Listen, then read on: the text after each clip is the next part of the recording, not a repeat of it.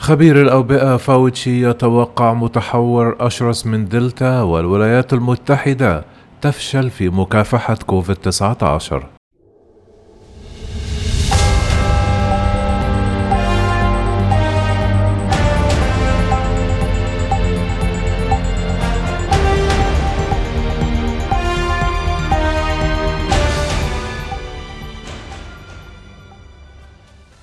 حذر خبير الأوبئة الأمريكي والمستشار الطبي في البيت الأبيض أنتوني فاوتشي من استمرار التحورات لفيروس كورونا وقلة التطعيمات حيث قد يتسببان بزيادة عدد الإصابات وقلة استجابة اللقاحات.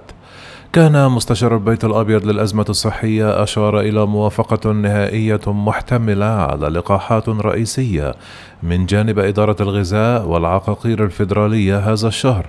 الأمر الذي قال بعض المشككين أنهم يحتاجون لسماعه. وقال فاوتشي لبرنامج Meet the Press على قناة NBC آمل أن يحصل ذلك في أغسطس كما نبه اختصاصي الأمراض المعدية إلى أن الفشل في السيطرة على المتحورة دلتا من شأنه أن يزيد فرص ظهور متحورة أخرى قد تكون أكثر إثارة للمشاكل من دلتا. ومع تسجيل الولايات المتحدة أعلى حصيلة يومية من الإصابات بكوفيد 19 في ستة أشهر.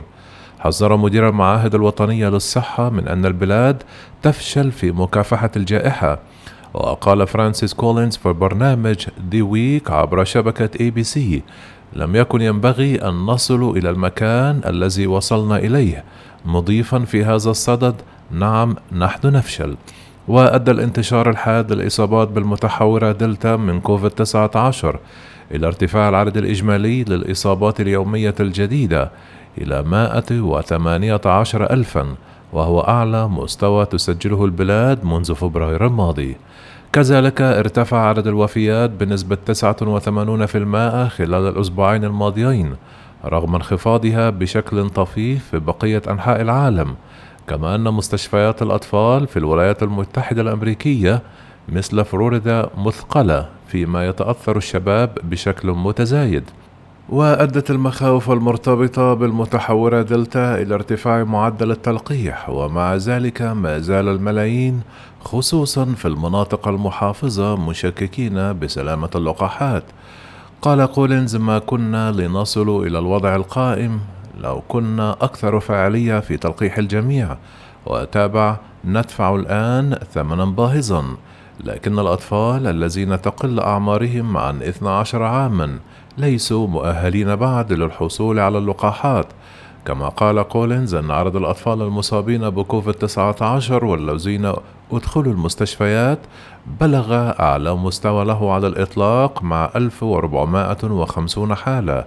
وأوضح أنه إذ لم يطلب من الأطفال العائدون إلى صفوفهم وضع الكمامات فسينتشر هذا الفيروس بشكل أكبر. كما قال أنه من المحتمل أن يؤدي ذلك إلى تفشي الوباء في المدارس وسيتعين على الأطفال العودة إلى التعلم من بعد وهو الأمر الوحيد الذي نريد الحؤول دون حدوثه. كتبت المراكز الأمريكية لمكافحة الأمراض والوقاية منها على شبكة التواصل الاجتماعي تويتر أنه حتى الأطفال الذين لا تظهر عليهم أعراض الوباء يمكن أن ينشروه مضيفة إلى أن على الأطفال الذين تبلغ أعمارهم عامين أو أكثر وضع الكمامات في الأماكن العامة المغلقة بما فيها المدارس.